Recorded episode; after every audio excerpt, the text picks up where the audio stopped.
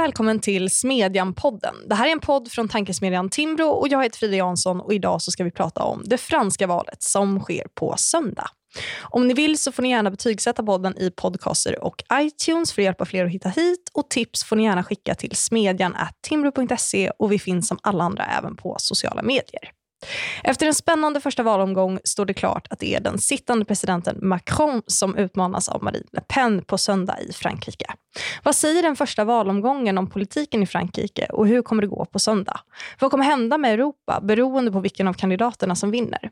Och med mig för att prata om detta har jag Fredrik Segerfeldt som är författare till bland annat boken Frankrike, en hatkärlekshistoria och Erik Lut som bevakar valet för tidskriften Liberal Debatt. Varmt välkomna båda två. Tack så mycket. Tack, tack. Erik, du är ju på plats i Frankrike. Eh, kan du berätta lite om hur valkampanjandet går? Jo, men det stämmer bra det. Jag sitter i Paris just nu och väntar på ett tåg som ska ta oss vidare mot Bordeaux. Man kan säga att det är en ganska speciell valrörelse den här gången. Och det är klart att det påverkas mycket av den ryska invasionen av Ukraina. Men på ett sätt skulle man nästan kunna beskriva valrörelsen som frånvaro av valrörelse. Det har varit extremt lite politik jämfört med... Jag var ju här i valrörelsen 2017 också. Och det är mycket mindre politik, det är mycket mindre politiker ute på gatan och, och eh, delar ut affischer eller kampanjer och knackar dörr eller vad det nu är man gör för någonting. Det pratas mindre politik.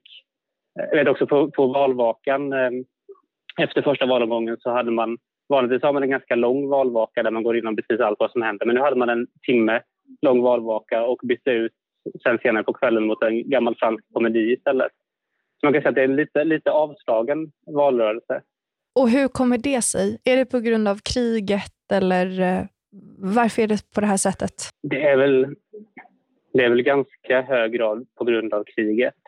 Um, och Macron fick ju inledningsvis kanske en del negativa kommentarer för att han inte syntes mer och kampanjade mer. Och han sa att han i första första hand är president och andra hand är kandidat.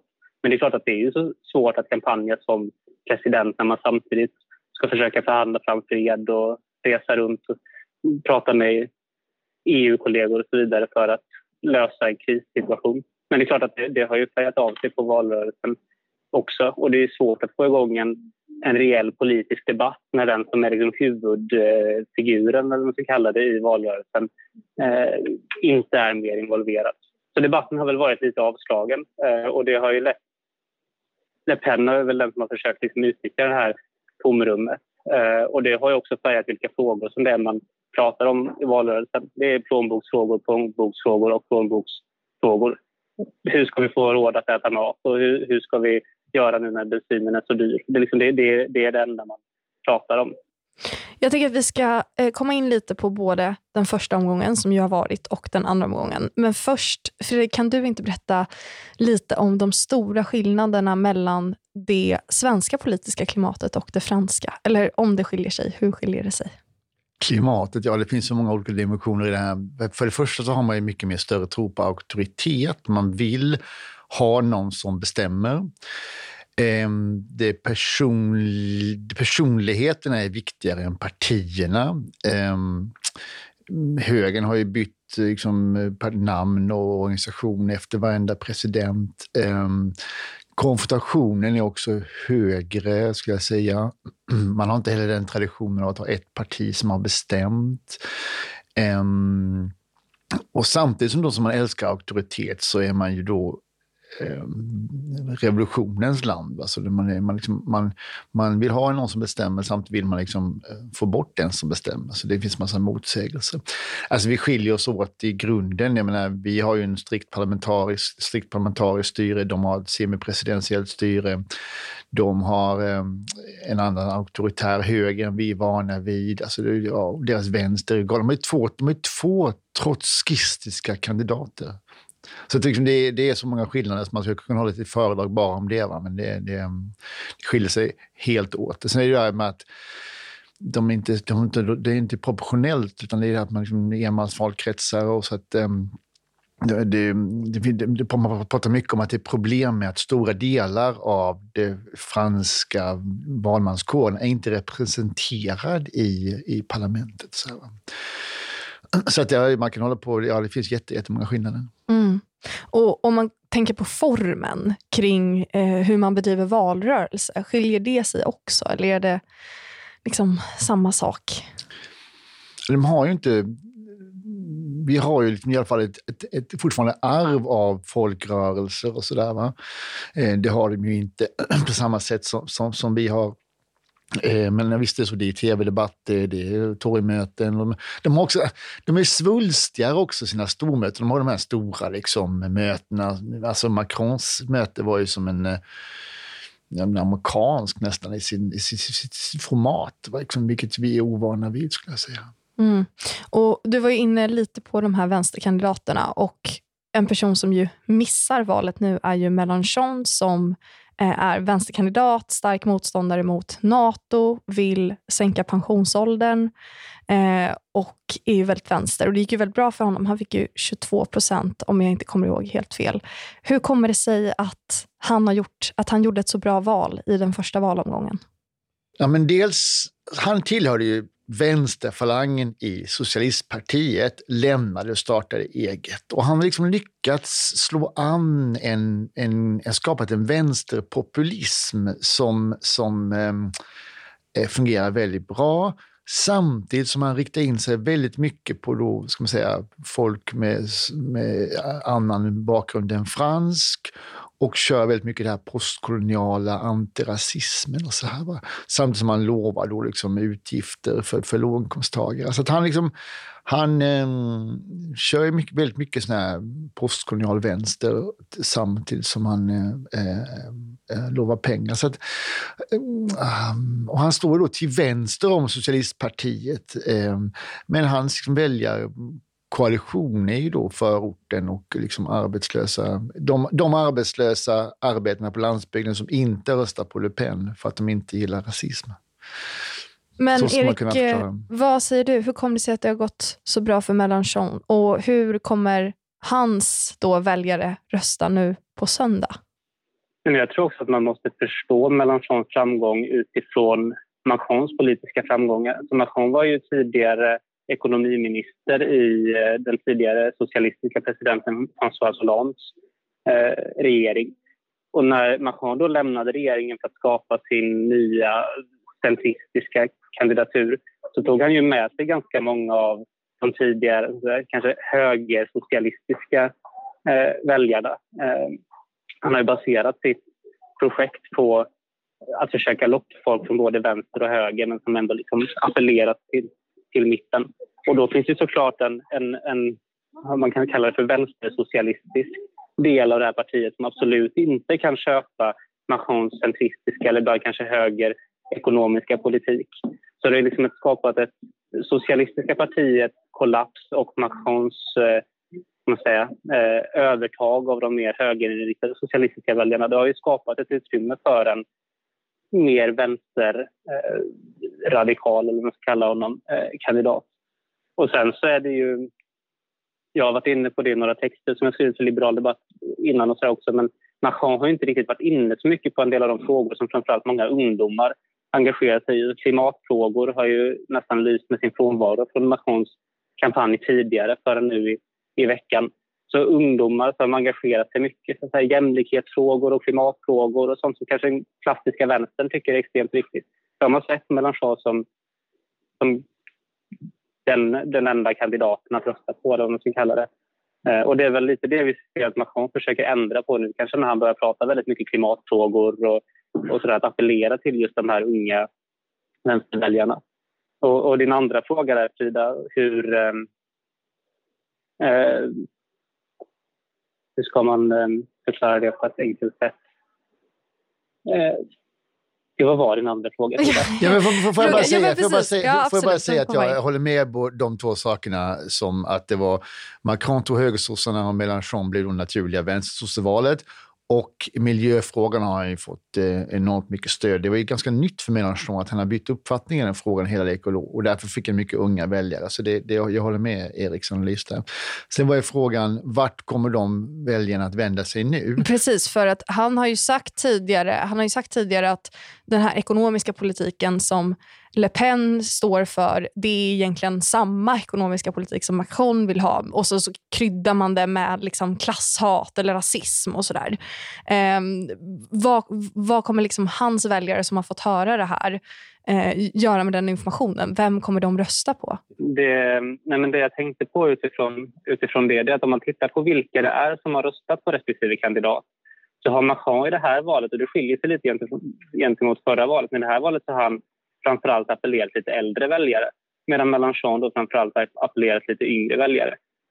Och de väljarna som i första omgången röstade på Mélenchon, de skulle jag gissa sådana som kanske inte hade gått och röstat överhuvudtaget om det inte var så att Mélenchon hade ställt upp som kandidat.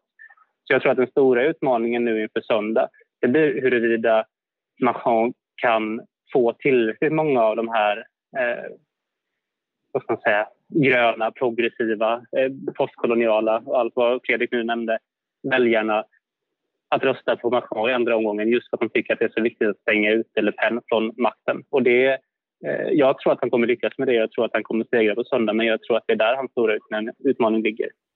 Men om, om jag hör er berätta om Mélenchon så sorterar jag honom eh, till någon så här kanske identitetspolitisk diskurs eller vad man ska säga. Den typen av vänster. Och om man kollar på i Sverige, sen så är det ju liksom inte samma sak. Eh, men eh, Vänsterpartiet går ju starkt framåt och deras profil är ju eh, numera så att säga en brytning med den typen av frågor, den typen av eh, vad ska man säga, liksom identitet, att man vill byta eh, rödvinsvänstern mot liksom bensin och, och, och landsbygdsväljare kanske eller sådär. Eh, och det intressanta är att det franska kommunistpartiet som tidigare, de två tidigare valen, har ställt sig bakom Mélenchons kandidatur. Den här gången väljer att ha en egen kandidat som heter Fabien Roussel som gör precis samma resa som eh, svenska vänsterpartiet. Talar om att jag har visst rätt att äta, dricka rödvin, äta gott kött och vara fransk och köra bensinbil och sådär. Så det finns en extremt stark parallell till den de problemen som den svenska extremvänstern har, precis som till den franska, där de har exakt samma konflikt och där de har liksom delats i två. Jag skulle väl säga också kanske att Mélenchon delvis fortfarande är kvar i det lägret också. Han är verkligen inte bara en progressiv kandidat. Han, han har ju också stora problem med tidigare väldigt ryssvänliga eh, hållningar som han har haft. Han har uttryckt mycket antisemitiska åsikter. En, på sina sätt kanske man skulle kunna, kunna kalla det för en vänsternationalistisk politik. Så att det, det, det, är absolut att han, också, han, han har ju verkligen betonat det här det gröna och det progressiva och, och jämlikhet och omfördelning och, och där. Men det är också en kandidat som bär på ett ganska tungt politiskt bagage som jag tror att kanske många av hans yngre anhängare inte riktigt vill känna till. Nej, vi ska inte låtsas att han är, han är inte rumsren på något sätt. Det är ju en extremist. Men är det, är det här någonting som talar för att kanske om man är en eh, väljare som har röstat på Mélenchon, att man kanske inte går och röstar på Le Pen för att de här progressiva inslagen är så starka så att säga i politiken. Erik, vad säger du om det? Nej, men jag, jag tror att det, det, är en splittring mellan de som, bland, hos de som har röstat på Mélenchon. Jag tror att det finns en del av hans väljare, och det visar en del av undersökningen också, som inte har några problem alls med att, att rösta på Le Pen i andra omgången. Att man är så mycket emot Macron som kandidat. Och där går ju på något vis de här två extremerna eh, ihop. Om man kollar i en del ekonomisk politik och så vidare så är det inte så där extremt stor skillnad mellan Mélenchon och Le Pen. Eh, men för de av Mélenchons väljare som är unga, internationellt orienterade och som tycker att klimatfrågor är viktiga, där tror jag att många ändå kommer att känna samvetet kräver att man går och röstar på, på Macron. Hur många det är, det får vi ju se på söndag. Och om man tänker bara Eh, på den här första omgången. Var det någonting som förvånade er i hur det så att säga spelade ut? Någon kandidat som det gick mycket sämre för än vad ni hade förväntat er? Ja, flera. Eh, att eh, Socialistpartiets kandidater som har ändå haft liksom Mitterrands parti som har burit den franska vänstern i 50 år får under 2 procent eller att motsvarigheten till Moderaterna får 5 procent. Ehm, och att eh, Zemmour, som ju under hösten eh, antyddes som att han hade skulle ha chans att vinna valet, eh, vad fick han? Sju? Så, så det var liksom massa. Och sen så blev ju Macron fick ju, gick ju framåt. Han fick ju fler röster i första omgången den här gången än vad han fick 2017. Mm. Och om man kollar på Macrons policy de senaste fem åren Eh, vad kan man säga om den, Erik? Man, man, man kan säga att jag försökte göra en analys för, för någon vecka sedan och han har ju gjort en ganska stor eh, rad och mängd av reformer. Eh, och många av de reformerna tror jag har gynnat Frankrike väldigt väl. Eh, vi ser att arbetslösheten har, eh, har sjunkit. Eh, företagandet ökar. Man börjar prata om att, eller man har länge pratat om att Frankrike är landet som inte går att reformera. Och nu ser man väl ändå kanske att en del av Macrons reformer innebär att Frankrike kanske faktiskt är på väg att reformeras. Men sen så ska man lägga till till det att, att det inte har varit en speciellt lätt mandatperiod. Det började med upproren från de gula västarna efter att Macron ville införa en, en sorts bensinskatt. Det fortsatte med covid-pandemin eh, och sen nu har man den ryska invasionen av Ukraina på det. Så det, det, har varit kanske en av de svårare mandatperioderna för en, president, eh, för en president i Frankrike på väldigt lång tid. Eh, och samtidigt har han då ändå lyckats genomföra en hel del reformer.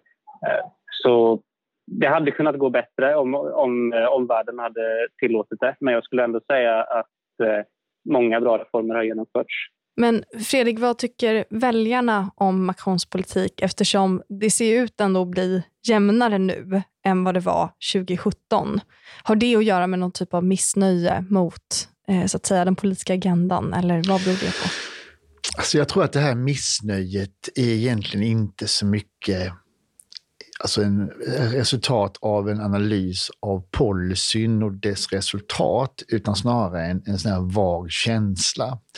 Han, liksom, han, om man ska ha så här floskelbingo så ska han, där har du liksom en, en engelsktalande ung som har gått på alla de fina skolorna, som har jobbat på, på, jobbat på, liksom på som investment banker, som kan engelska och som är så smart och snygg och allt och som tillhör Paris-eliten. Och så har han nu på sistone då har det visat sig liksom att de har köpt eh, tjänster av McKinsey, det amerikanska konsultföretaget. Va? Det är så lätt då att du liksom ur ett populistiskt perspektiv säger liksom att den här personen känner inte av från hur vanliga människor har det, han är långt borta, han har aldrig levt med någon som behöver köra sin gamla dieselbil fram och tillbaka till jobbet, som, inte, som har svårt att få pengarna att räcka, räcka till i slutet av månaden. Va? Och sen har han en arrogant sida. Han har ju sagt så här, ah, arbetslöshet, du bara gå, gå över gatan och skaffa dig ett jobb. Liksom. Och så här. Han, liksom, han är lite oförsiktig i sina uttalanden. Han också, så att, eh, han provocerar fram ganska mycket hat i stora delar av det franska folkdjupet. För att det finns de här liksom skillnaderna mellan stad och land och elit och folk och så. Um, jag kommer inte ihåg vad din fråga var, men det var väl det som var frågan. Tema. Ja. ja precis. Nej, men håller, Erik säger ju här att han ger klart godkänt till Macrons reformagenda de senaste fem åren. Och då undrar jag, känner väljarna på samma sätt? Jo, men eh, man pratar ju mycket om den här uppdelningen. men, men ofta tycker jag att folks känslor är frånkopplade från det materiella. Eh, även om man har fått det bättre så, så, ehm, så känns det inte alltid så. Men det är klart att det här är ett land som har det. Jag håller med helt och hållet. Det här, de har de har struntat åt bidragen, de har avreglerat arbetsmarknaden, de har sänkt skatterna och de har ju fått igång allt det här som, som finns i vanliga nordvästeuropeiska länder, startup-företag, internet, allt det här som gör att vi lever som vi lever. Det har de ju haft svårt för i Frankrike. så Han har liksom tagit bort några av de här strukturella svagheter som har funnits i företagen och arbetsmarknaden och skapat en dynamik i det franska näringslivet. De har störst, störst mängd investeringar av alla europeiska länder. Så så det, jag tycker det är liksom rent matematiskt, om man skulle mäta så, så är det uppenbart att, att det fungerar väl. Men det rimmar inte alltid väl med om eh, någon som har jobbat på, ett, på en fabrik som har lagts ner. Va? De har inte samma stöd som vi har i Sverige för det här med strukturomvandling och att det är bra att, man, att fabrikerna flyttar och så här. Va? Eh, jag, jag var ju i, i, eh, i Frankrike under den förra valrörelsen och då, det var spännande att följa de som var engagerade i Macrons projekt. Då, för att det var, många av dem hade aldrig engagerat sig i politik tidigare. De hade knappt någon koll på hur politik fungerade. Man hade en bild av att Macron var deras kandidat. Han var ung, han var framåt, han skulle reformera, han var inte en del av de etablerade politiska partierna. På ett sätt var han ju någon form av centristisk populist eller någon mitten, eh, mittenpopulist om man ska vara elak. Men nu så här fem år senare så är han president, han är etablerad, han bor i Élysée-palatset. Alltså han, han kan ju inte appellera till de här på samma sätt. Och flera av de som jag har pratat med som var, som var med då, de, de har lämnat kampanjen för att det blev inte som de hade tänkt sig. Den här vaga idén av vad Macron skulle åstadkomma kanske inte blev som, hade, som de hade tänkt. Så jag håller verkligen med Fredrik om att det finns liksom en liten diskrepans mellan vilken reformagenda som Macron hade och som flera av de här aktivisterna eh, förmodligen inte ens kunde. Och eh, liksom den förväntan som, som fanns hos, hos många av de som, som engagerade i hans projekt och som också röstade på Macron. Jag tänker att eftersom vi är ändå på Timbro så ska ni få beskriva Macron lite ideologiskt. För att eh, jag fattar typ fortfarande inte riktigt vad, alltså, vad är han? Är han liberal? Är han centrist? Är han höger? Är han eh, ja, men liksom centralist om man kollar på EU-politiken och sådär. Eh, vad, vad, om ni ska liksom måla upp någon ideologisk palett kring Macron, vad, hur skulle ni beskriva den, Fredrik? Folkpartist. Folkpartist? ja, nej, men alltså, nej, men så här. Jag skrev en artikel häromdagen, Claes Eklund, alltså en hö gammal kanslihöger sosse som sen går högerut. Han är väldigt intressant ideologiskt för att hans, det, som hans, det som hans enda benfasta övertygelse som han har hållit fast vid är ju då Europatanken. Va? Han är ju internationalist. Han vill anpassa Frankrike till globaliseringen. Han vet att, det är, att Frankrike inte kan överleva utan sin omvärld. Eh, han vet också att man måste liksom reformera sklerotiska system. Så i så mått är han liksom en en socialliberal globalist. Men han har liksom, han har också gått åt höger i såna här kulturkrigsfrågor. Va? Eh, inför valet 2017 så var han i Algeriet och sa att eh, kolonialismen var ett brott mot mänskligheten. och, så där, och Sen så har han liksom eh, anpassat sig och, och liksom rört sig liksom högerut i den bemärkelsen, i nationalistisk eller auktoritär riktning och liksom eh, inte alls lika Eh, postkolonialt vänster som han var då. Ehm, så att, nej, jag tycker inte det är så svårt att, eh, att ehm, ta liksom några högersossar och några nymoderater och några folkpartister och sen så ehm, bli katolik. Så har du det. Mm. Va, vad säger du Erik? För det är ju liksom det, det, är väl det du är inne på, det här med att det är lätt att projicera en egen ideologisk föreställning om vad man vill med Frankrike om budskapet bara är liksom framåt. Så, och då känner man ju så här, åt vilket håll framåt? Så. Eh, men hur skulle du beskriva Macron? Det är en svår fråga. Jag tycker Fredrik gör en bra ansats. Men jag, jag skulle kalla honom någon form av mittenliberal. Eh, sen så är problemet att liberal är ju ett av de värsta skällsorden som man kan använda sig av i en fransk kontext. Så att han, han kallar sig inte själv liberal. Men om man tittar på hans ekonomiska förslag om att reformera arbetsrätten, om att sänka skatter och så vidare så är det ju ganska klassisk liberal politik. Eh, om man tittar på hans syn på omvärlden och hans syn på internationellt samarbete så skulle jag också säga att det är ganska klassisk liberal politik.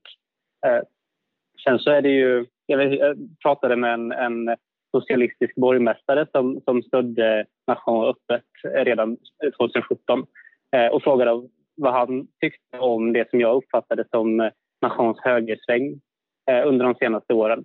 Och då så på klassiskt franskt manér så frågade han ut med armarna och gjorde någon form av allmänt läte och så sa han att ja, om man tittar på den franska statsskulden som är fortfarande störst i Europa så skulle man kanske kunna kalla Frankrike för Europas mest socialistiska land.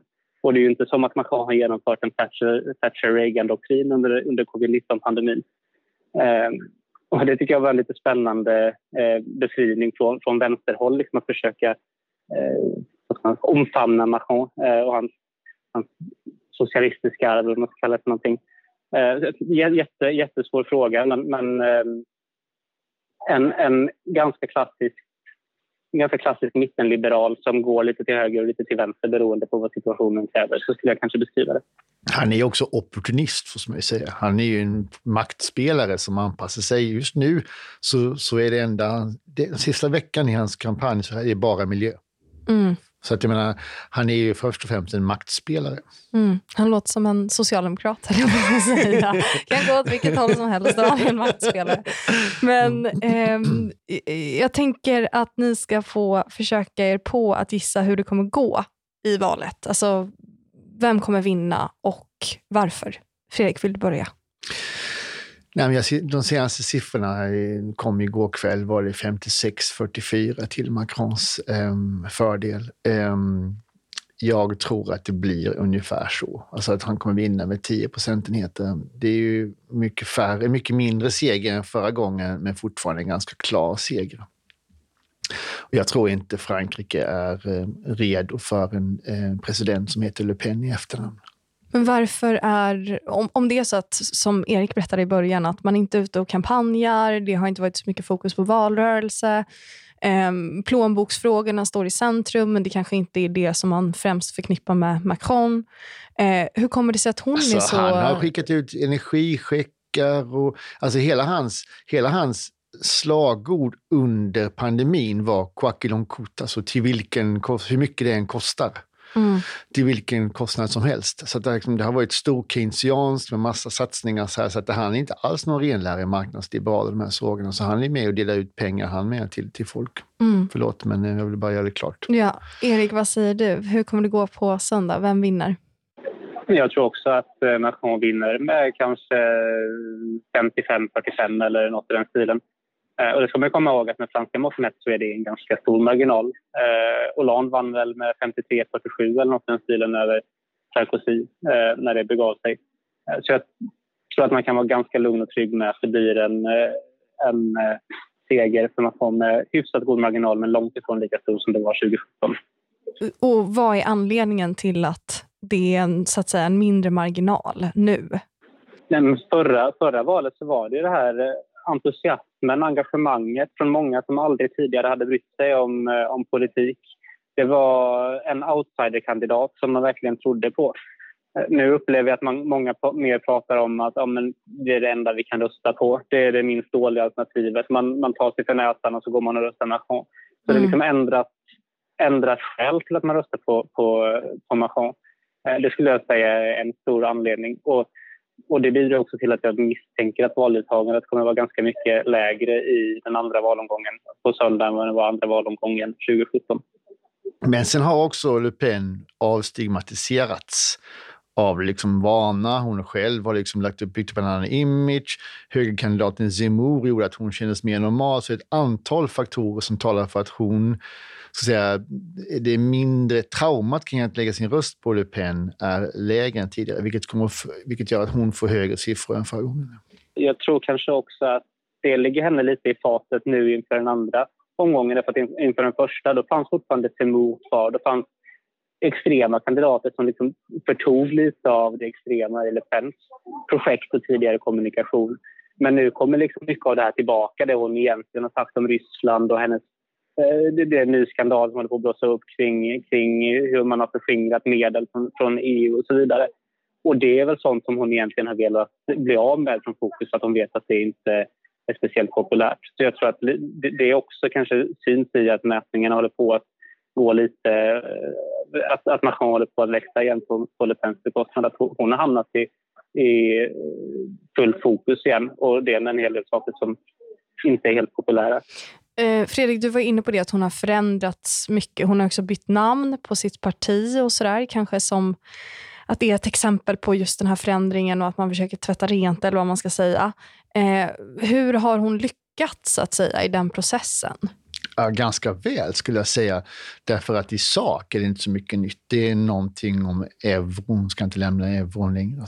Men men det är mycket mer en ytlig förändring som har handlat om hon ligger på, på Instagram med sina katter, hon ler hela tiden, hon ska inte vara så farlig. Och det, hon, har inte, hon har inte pratat om islam nästan någonting under hela valrörelsen. Eh, tonat ner anti-invandringsretoriken och så här. Alltså det, är liksom, det är en helt ny image hon har byggt upp, men i sak är det ju samma liksom, rasist, nationalpopulist, eh, tant. Liksom. Erik, vad säger du om hennes förändring, så att säga? Fredrik säger att den är mest ytlig. Nej, men det, det håller jag med om. Eh, hon, hon gjorde väl... Alltså det, det som har varit Le Pens framgång tror jag, under de senaste åren, framförallt som har märkts nu också under den ryska invasionen, att hon i samband med eh, namnbytet och, och den här kosmetiska förändringen, så kallade, så gick hon ändå kanske lite mer att börja prata om ekonomiska och sociala frågor snarare än invandring, invandring, invandring. invandring, invandring. Eh, och då kom det två andra kandidater istället inför den första omgången. Eh, Eric Zemmour, alltså en eh, radikala extremhögern. Och, eh, men också Valérie Pécresse, alltså Republikanerna, den mer moderata högern som liksom tog upp invandring istället och började prata väldigt mycket invandring i sina respektive program. Men sen tog den ryska invasionen av Ukraina tog ju helt död på invandringsfrågan eftersom de allra flesta fransmän blev för att ta emot ukrainska familjer och så vidare. Och där tror jag att eh, Le Pen vann en hel del på att liksom ha tonat ner invandringsfrågan i sitt eget program. Eh, och det är, väl, det, det, det är ju ingen förändring utan det är bara hur hon har marknadsfört sitt, sitt, sitt eget program. Men, men, just där så var det nog en, en eh, framgångsfaktor. Jag tänker att om man, om man tänker liksom EU och Europa, beroende på vilken då av kandidaterna som vinner, även om det antagligen blir Macron då, eh, hur, hur, kommer liksom, hur skulle Le Pens EU se ut i relation till Macrons EU? Det är jättemycket debatt kring det här. Jag lyssnar på två, tre sådana här program varje dag. och varje gång så är det någon som anklagar henne eller någon av hennes eh, eh talespersoner för att vilja lämna EU. Och då säger hon det är inte sant, det står inte så i programmet. Och sen så säger de andra då, men konsekvenserna av er politik innebär ändå Frexit. Och jag menar, vill man inte ha, de, de till exempel säger att eh, EU-rätten ska inte stå över fransk rätt. Ja, då, då faller ju hela juridiska basen för inre marknaden. Då, då har vi liksom ingen EU kvar. Va? Hon vill inte heller, hon vill också kunna kontrollera hur mycket pengar hon ger till EU. Och så där, va? Alltså i det här hur mycket medlemsstaten ska bidra med.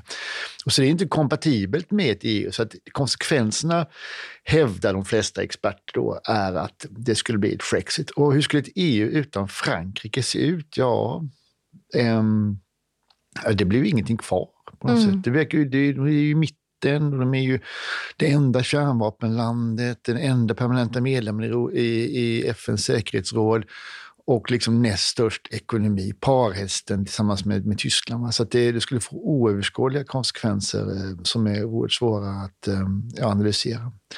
Hon, vill ha, hon säger själv att hon vill ha ett nationalstaternas Europa va, och hävdar att hon inte vill lämna EU. Men eh, Ja, det, det är svårt. Har inte fransmännen ett eget ord för att de skulle lämna EU? Det känns ju, eller pratar de om Frexit? Oui. Jaha, jag tror att de skulle... Ja, jag tror att de skulle komma på med något eget. Ja, det känns ja, mycket ja. mer franskt. jo, det skulle man tro. Men eh, det var ju för att eh, Michel Barnier, som var en av högkandidaterna, var ju den som förhandlade eh, eh, och EUs vägnar mot britterna och han blev ju Mr. Monsieur Brexit. Mm -hmm, okay, så blev det så naturligt att säga Frexit efteråt. Just det, det har satt sig i den franska ja. vokabulären. Mm. Erik, vad säger du om du jämför eh, Fredrik, nu fokuserar du ju mycket på Le Pen, men vad kan man säga om Macrons eh, vision för Europasamarbetet? Han är väl kanske en av de få stats och regeringscheferna på europeisk nivå som verkligen har haft en vision för det europeiska samarbetet. Sen så har ju det lite grann försvårats av att omvärlden har sett ut som den har gjort de senaste åren och alla andra länder kanske inte riktigt har delat Macrons vision. Jag tror att Macron ser en, ett maktvakuum efter att Merkel har avgått som Tysklands förbundskansler och att han vill in och ta över rollen som Europas ledare. Det är därför han är iväg och försöker förhandla med Putin om att få fred i, i Ukraina och det är därför han reser runt i, i världen och försöker ordna till saker för att visa att han, han är Europas statsman på något vis. Sen så tror jag att Macron ibland har det svårt på europeisk nivå för att han har en så stark vilja och så stark vision men kanske inte alltid riktigt fingertoppskänslan för att förstå hur och när och på vilket sätt som man säljer in saker till andra länder. Och vill man få Europa att gå i en viss riktning då måste man ju också få med andra i den riktningen. Eh, och där tror jag att hans stora utmaning ligger. Nu kanske de senaste årens utveckling ändå kan gynna vissa delar av de tankar som man har haft om en starkare gemensamt europeiskt försvar eller liknande saker. Eh, men, eh, men han har absolut en större vision än vad han har lyckats åstadkomma de senaste fem åren och förmodligen vad han också kommer att få med övriga europeiska statsregeringschefer på framöver. Macron är då Europavän, va? men ur ett klassiskt liberalt perspektiv och om man är marknadsliberal tycker om marknadsekonomi och öppenhet. Så han vill göra mycket, ganska, han vill att EU ska göra mycket det som fransmännen traditionellt har gjort själva. Strategisk autonomi, man ska vara självförsörjande, man ska styra vilka sektorer som ska kunna växa i framtiden ekonomiskt. Och så här, va? Ser det där franska eh, grundsynsättet med en stark stat som pekar ut riktningar, som subventionerar, som kontrollerar, som skyddar, allt det här. Va? Det vill han göra på Europanivå istället. Och det är ganska dåligt. Så att vi ska liksom inte sitta så här och säga halleluja och säga liksom att det är, allt Macron är jättebra. Ett, ett, ett, mer, ett, ett, ett EU som har mer inflytande av Macron skulle vara ett sämre EU. Vad säger du om det, Erik? Den här, just den här med strategiska autonomin och inriktningen som EU kanske har tagit nu, precis som du säger, sen Merkel har... Jag skulle nog, jag skulle nog inte hålla med eh, Monsieur Segerfeldt om att det skulle vara ett sämre EU om Frankrike tog större ledning. Men jag håller helt med om att det finns en hel del områden där, eh, där den franska synen på vad EU ska göra kanske inte är optimal och verkligen divergerar från den kanske svenska, danska, nederländska och så vidare. Jag tror framförallt att Macron kan bidra med en del energi, nytänkande, energitillskott till en union som ibland kan verka lite trött och inte riktigt veta var den, var den vill ta vägen. Eh, sen så får man väl hoppas att det finns regeringschefer som kan väga upp det. Mark Rutte i Nederländerna har väl gjort ett bra försök. Mm. Jag hoppas att vi kanske får en svensk regering som prioriterar de här frågorna också som kommer fram till vad man egentligen vill med EU framöver. Och framförallt när vi blir ordförandeland nu nästa, nästa vår. Mm. För medan Macron har haft en brinnande EU-vision så kan vi kanske inte svenska eh, toppolitiker riktigt säga att ha haft detsamma. Mm. Den bästa, bästa, bästa motvikten mot, mot de dåliga delarna i, eh, i Macrons eh, EU-vision det vore kanske att vi skulle få lite fler svenska EU-visioner. Och finns det någonting, vi ska runda av lite, men finns det någonting som ni tror skulle kunna liksom skrälla nu under den här veckan som skulle kunna få betydelse i, i valet? Alltså någon liksom oväntad händelse eller sådär? Men så är det ju. Det, det kom ju bara igår, tror jag det var, Mediapart avslöjade att, att um, från eh, Rassemblement National, Le Pens parti, har liksom snott pengar från när de var Europaparlamentariker, så det är en stor skandal. Va? Får vi en skandal som är dålig mot Macron, som handlar om liksom något sånt här som sticker i ögonen på människor, så skulle det mycket väl kunna vara en game changer. Jag skulle också vilja säga att i, eh, imorgon kväll så kommer ju slutdebatten mellan de två kandidaterna att eh, äga rum. Och det brukar vara en väldigt viktig händelse i de franska valen. Därför att då sitter två stycken kandidater som är extremt retoriskt skickliga och jättepålästa och allt möjligt och, och bombarderar varandra. I, det känns som hur lång tid som helst. Eh, och man ska komma ihåg att 2017 så var en av de avgörande händelserna skulle jag säga till att Macron vann så stort var att Marine Le Pen gjorde, ett så urusel, gjorde så urusel insats i den sista debatten. Hon skämde ut sig på flera olika områden. Och skulle Macron göra något liknande imorgon där han verkligen skämmer ut sig på ett speciellt område då skulle det nog också kunna få en, en stor effekt. Och man, de är ju lite olika sits än vad de var förra gången också för då var eh, då, då, då var det mer som att Le Pen behövde försvara sig mot den, mot den unge uppstickaren. Men nu kommer det såklart vara Macron som kanske i högre grad känner att han kommer behöva försvara sig som, så som sittande president. Eh, så det ska bli väldigt spännande att titta på, på debatten imorgon och se hur och i så fall på vilket sätt som det påverkar valrörelsen framöver. Jag hörde en konspirationsteori i morse när jag cyklade till jobbet som sa att det är Le Pen själv som har byggt upp den här myten om att hon var så dålig i den debatten för att skylla över att hon fick storstryk i valet sen. Så det är en ganska intressant teori tyckte jag. Liksom, att hon har själv, som, hon har själv erkänt flera gånger att jag var inte så bra och sådär. Um, um, Men tycker inte du också att hon var ganska dålig? Hon, hon var jag har inte sett hela debatten, bara, bara klipp. Uh, så, ja. så det håller jag med om. Jag bara tyckte det var roligt intressant att jag hörde det i morse eftersom, man, eftersom debatten är då imorgon klockan nio apropå det här med EU-frågor. Så fransmännen kan ju bara vara lite skeptiska till EU men de är ju ofta väldigt mycket för euron och det är en lite spännande eh, sak jämfört med hur man ser på det i Sverige kanske. Men det var ju framförallt när hon började prata om att man skulle lämna euron och, och, och gå tillbaka till francen som hon fick en viss tidigare ekonomiminister på sig i, i Emmanuel Macron som lyckades förklara varför det vore en oerhört dålig idé för vanliga franska människor. Och där var det som att man såg i hennes ögon själv under debatten att oj, nu förlorar jag nog. Men hon blandade också ihop saker eh, som, som, som att hon blandade ihop två företag och så. Här, hon som snurrade till sig. Hon var oerhört aggressiv också på ett sätt som var liksom, inte gick genom rutan. Hon har själv sagt också att hon var också eh, fatig. Alltså hon, hade, hon var helt enkelt utmattad och var på väg in i utmattningsdepression. Liksom, och, och, så hon har haft många förklaringar kring det där. Ja, vi kan inte prata om slutdebatten 2017. Men, vi får nörda ner oss själva någon gång. Ja, men precis. Och, och, den debatten är, som kommer nu inför valet, den är imorgon, eller? Klockan nio. Imorgon klockan nio. Då kan man kolla, kanske, om man vill. Och vad ska ni, ska ni på valvaka på söndag? Ja. Ska du också det, Erik? Jag ska till, eh, till Macrons valvaka, tänkte jag mig. Gud vad kul. Jag ska valvaka här privat i ja, Stockholm. Ja. Gud vad roligt. Men eh, jag vill tacka er jättemycket för att ni kom hit. Fredrik Segerfeldt och Erik Lut. Tack så mycket. Eh, och så får vi se hur det går helt enkelt. Allez Macron. ja, precis. Tack och hej.